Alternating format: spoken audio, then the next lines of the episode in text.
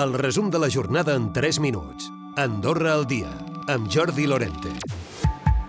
El cap de govern Xavier Espot està a Egipte. Ha parlat davant el plenari d'aquesta conferència sobre el canvi climàtic, aquesta cimera de la COP27, de la vulnerabilitat de les zones de muntanya. El cap de govern demana una major protecció i accions concretes. Les montagnes requièrent une action plus ambitieuse en faveur du climat. Les services écosystémiques d'altitude ont besoin d'une plus grande protection. Les personnes qui vivent dans les régions de montagne, soit presque 1,3 million d'habitants, veulent avoir un avenir.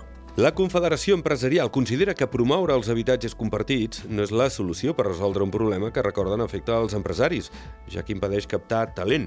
Així es desmarquen de les afirmacions del president de l'AGE d'aquestes últimes hores, Gerard Caselles, que deia que creu que és una alternativa per poder alleugerir la situació. Comprar también, ahora no se puede pasar por aquí, da la vuelta toda. Hace cinco meses que estamos acá y sí, eh, el tránsito cortado, eh, dificultad, dificultad para transitar, para los autos, para el peatón, para todo. Es veia a venir. Aquest dimarts ha estat el primer dia de tancament del carril de baixada a Prat de la Creu. Molts han optat per l'Avinguda Tarragona, que s'ha arribat a col·lapsar en diversos moments.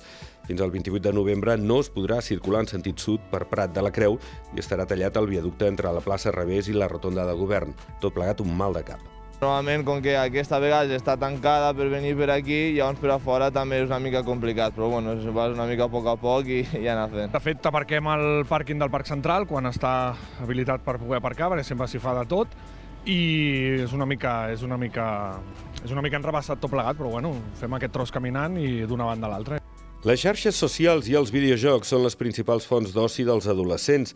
Gairebé tots tenen perfil en alguna xarxa social i més del 90% hi entren diàriament. Són algunes de les conclusions d'un estudi fet en 2.000 joves de 10 a 18 anys del país i que determina també que la meitat d'ells ha tingut accés a contingut pornogràfic i un 15% ha rebut propostes sexuals d'algun adult a través de les xarxes.